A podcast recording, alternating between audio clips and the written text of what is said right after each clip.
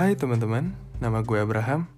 Dan pada hari ini gue akan ngebahas tentang cerita di SMA Karena kita tahu, di setiap harinya pasti ada cerita.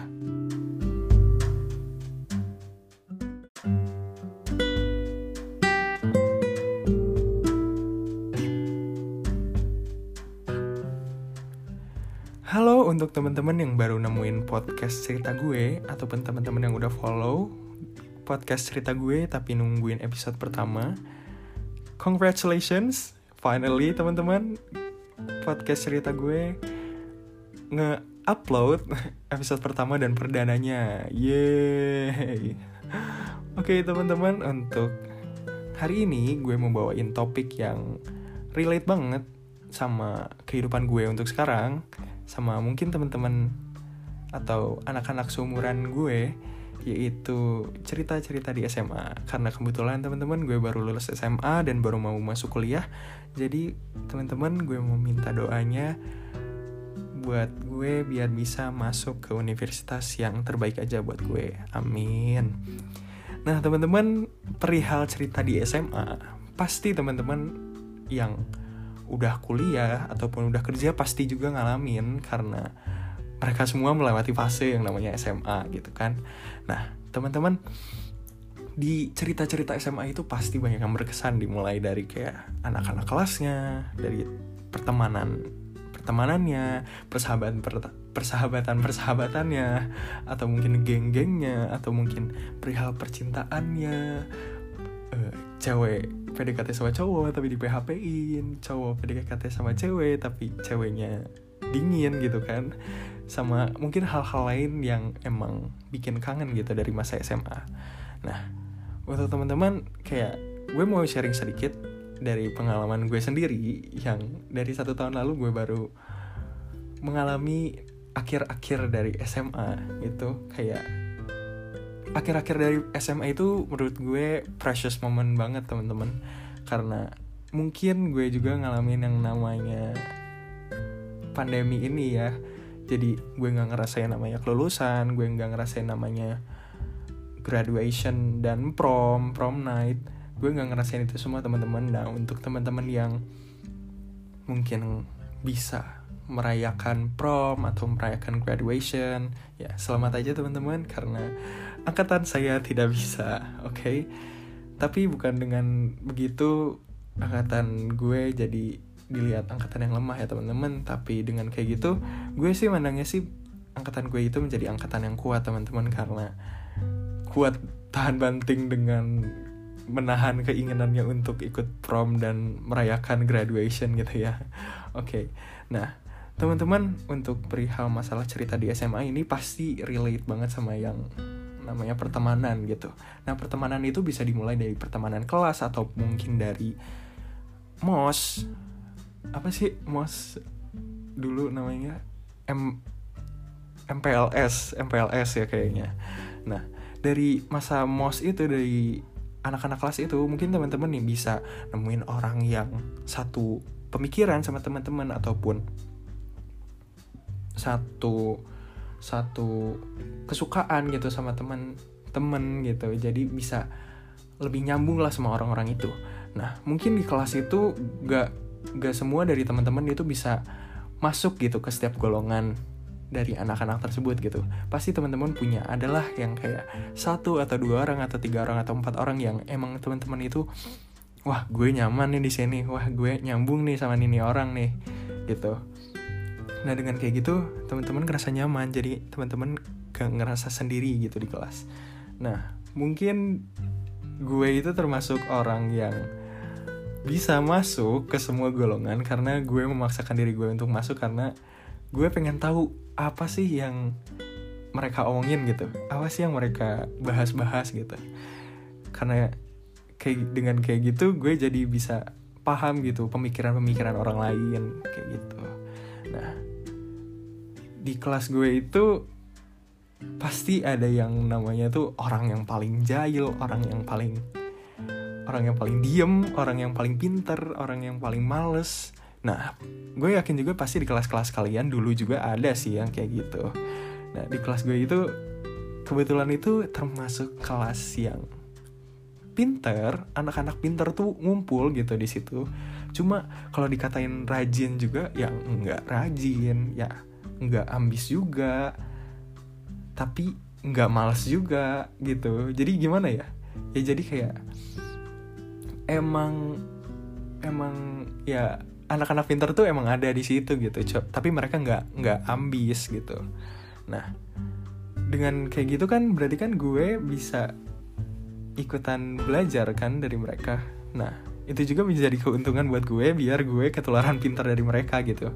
Nah untuk anak-anak yang jahil juga gue juga jadi bisa ikutan ketawa bareng mereka. Kayak karena di kelas gue itu anak-anak yang jahilnya itu mereka itu emang benar-benar bikin ketawa teman-teman. Pasti di kelas kalian itu ada yang jahilnya tuh yang jahil parah yang kayak sampai nyumput nyumputin tas nyumput nyumputin HP kalau zaman gue sih gitu. Eh, zaman gue kayak yang udah dulu aja. Kalau waktu gue dulu sih kayak gitu. Sampai nyumput nyumput nyumput nyumputin tas nyumput nyumputin HP ataupun sampai kayak nge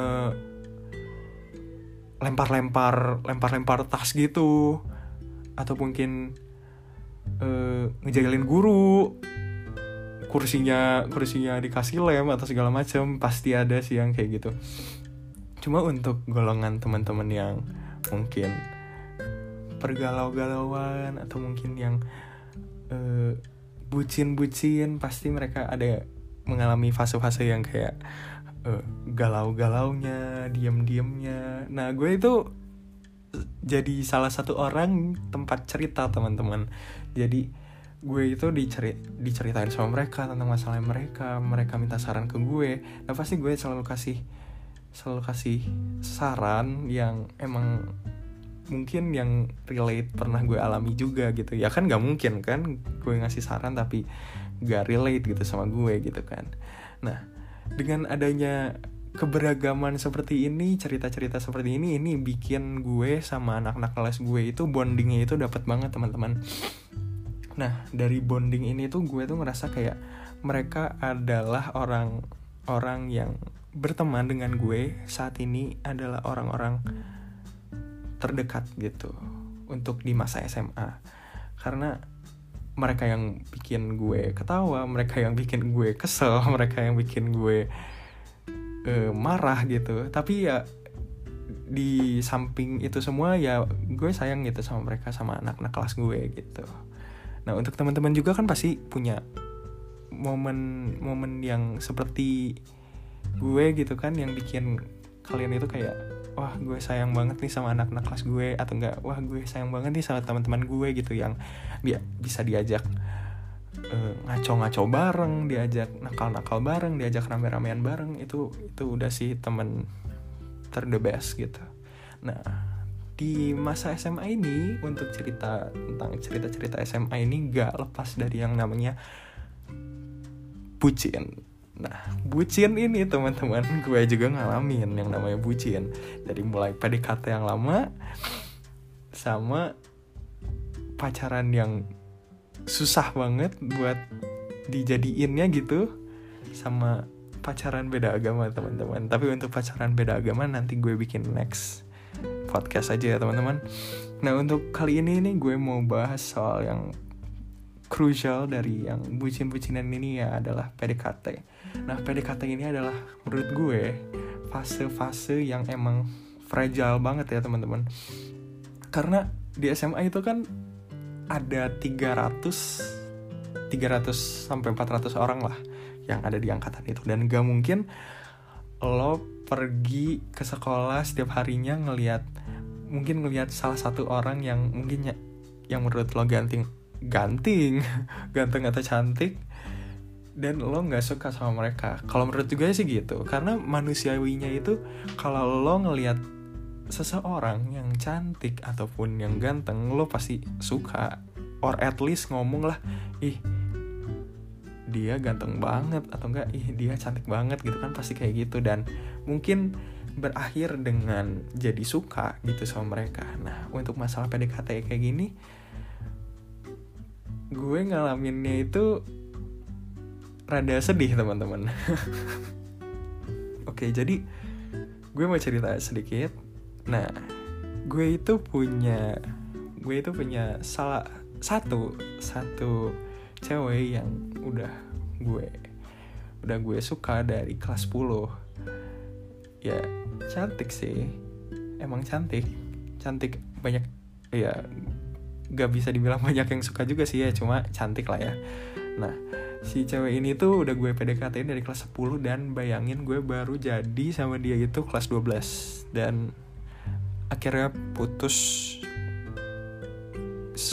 setelah 4 bulan berjalan. Dari kelas 10 ke kelas 12 eh gue ngomongnya kelas 12 kan tadi.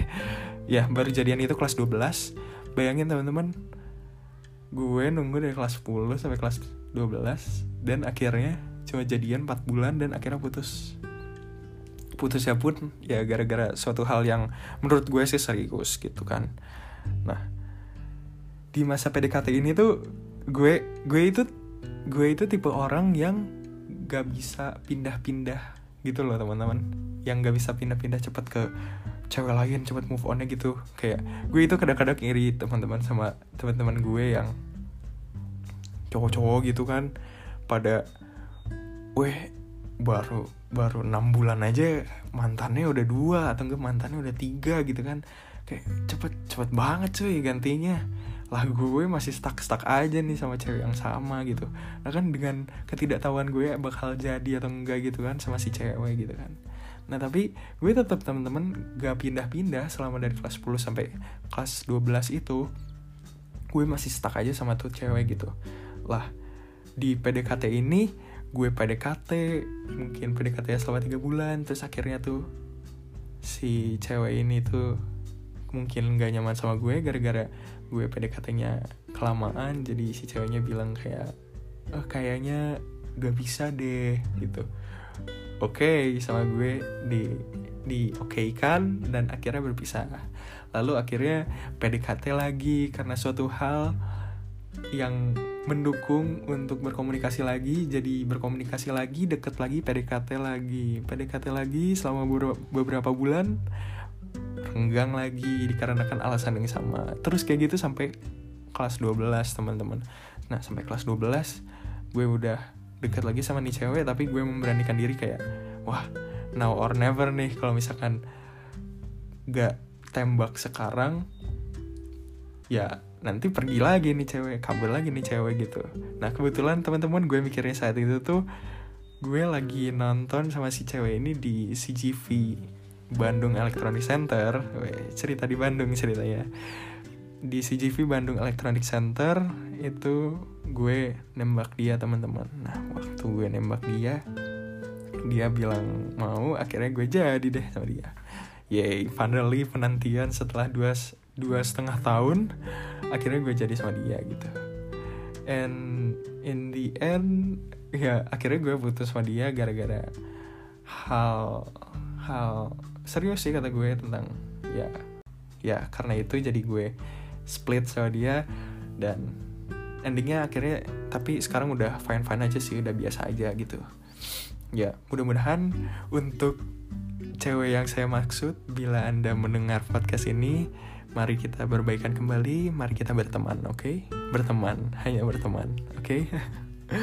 nah dari cerita-cerita kayak rumit kayak gue ini oh ya teman-teman ini for your information aja gue itu pacaran sama si cewek ini itu beda agama jadi gue itu selama ini nggak pernah pacaran itu dengan agama yang sama pasti selalu dengan yang beda agama emang gitu ya struggle pacaran beda agama nah teman-teman juga pasti kan ada yang ngalamin yang namanya pacaran beda beda agama gitu kan. Nah pasti teman-teman relate banget sama gue yang kalau misalkan lagi bulan puasa gitu kan. Lagi bulan puasa pacar lo puasa tapi lo nya makan. Terus kalau misalkan dia lagi buka puasa lo ngucapin buka puasa tapi lo udah makan dari siang jadi kayak aneh gitu kan atau gak lo mau makan tapi lo ngomong ke pacar lo yang lagi puasa. Sayang gue makan ya. Lah tapi nanti dikira gak ngehormatin gitu kan. Apalagi kalau misalkan lu lu gak puasa tapi lu mau nemenin pacar lo buka puasa tapi lo izin sama ortu lo bilangnya mau buka puasa bareng tapi lo gak puasa jadinya kan aneh gitu kan. Sorry teman-teman ya kayak gitu. Jadi banyak lah struggle-nya. Apalagi gue sebagai gue yang penantian dua setengah tahun pacaran beda agama itu emang susah banget sih teman-teman. Pasti setiap anak-anak yang ngalamin cerita-cerita di SMA tentang pacaran kayak gini pasti ngalamin struggle-nya masing-masing sih. Ya kayak gue itu struggle-nya itu beda agama. Nah mungkin orang lain itu struggle-nya beda.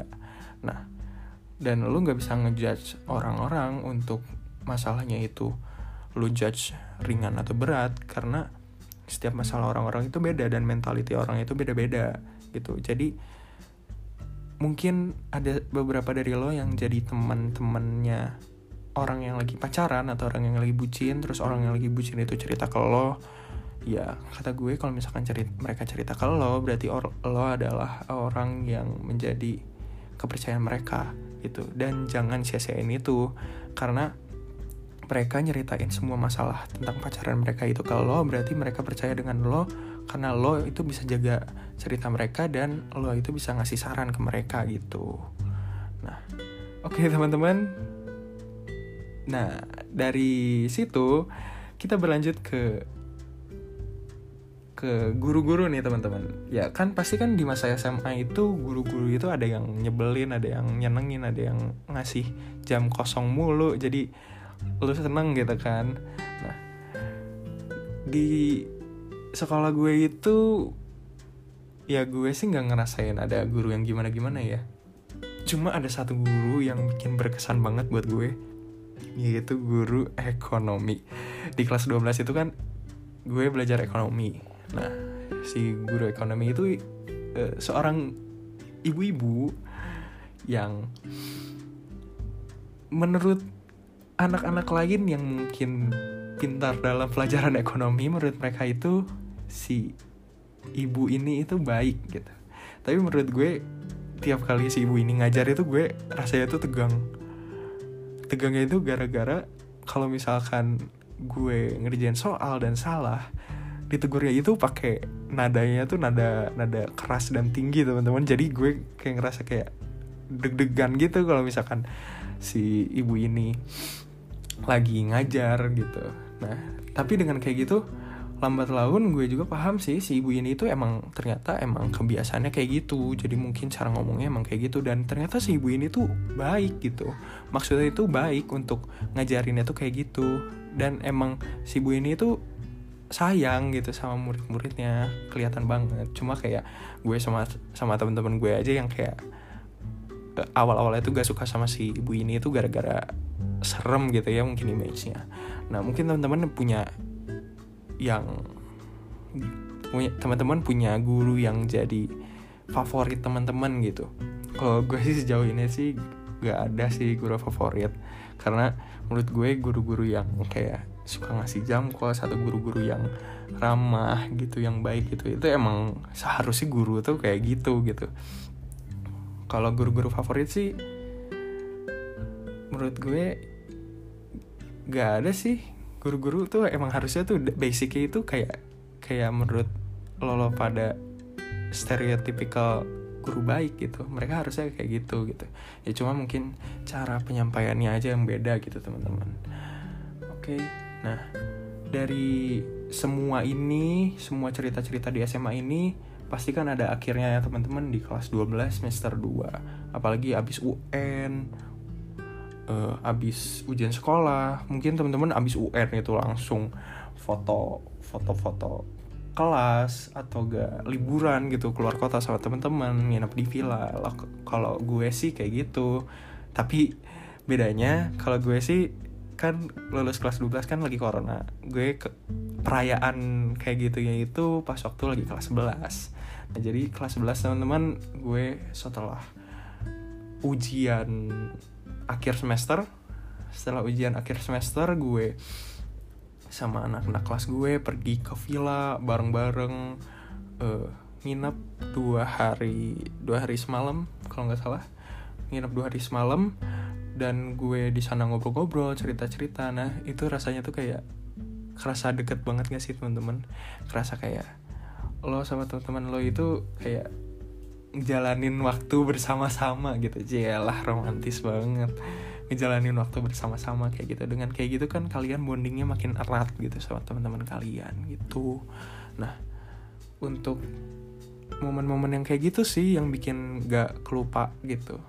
Dengan kalian pergi bareng main bareng sama teman-teman kalian atau gak jalan-jalan bareng sama teman-teman kalian itu adalah momen yang paling menyenangkan sih dalam masa SMA gitu. Nah kalau gue sih kebiasaannya untuk momen-momen ini itu diabadikan teman-teman. Gue itu kebiasaannya itu kalau di kelas itu bikin video-video gabut. Nah di video-video gabut ini ya kayak gue ngevideoin teman-teman lagi ngerjain tugas terus mukanya lucu gue gue videoin atau enggak teman-teman gue yang lagi jahil gitu gue videoin. Nah itu tuh emang jadi pengingat momen banget sih teman-teman. Pengingat momen banget buat gue kayak oh pas waktu ini nih si ini lagi ngejailin si ini gitu.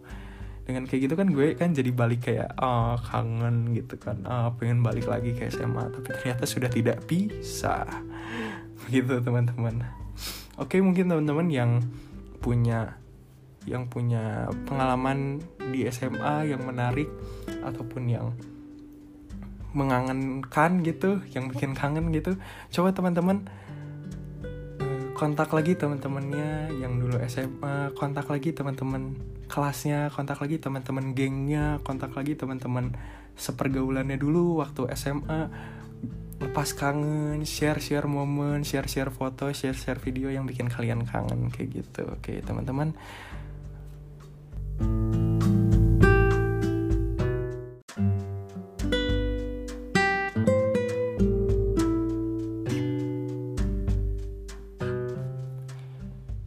Thank you untuk teman-teman yang udah dengerin podcast dari cerita gue. Dan untuk teman-teman yang punya kritik dan saran, teman-teman boleh DM ke IG gue Abraham Reinhardt dan untuk teman-teman yang mungkin mau cerita ataupun mau ngeluh, teman-teman juga boleh DM ke IG gue Abraham Reinhardt dan gue usahain jawab ya, gue usahain. Oke teman-teman, ada banyak momen di sekitar kita. Momen itu yang menjadi cerita. Dan kita tahu di setiap harinya ada cerita. Gue Abraham, see you next time.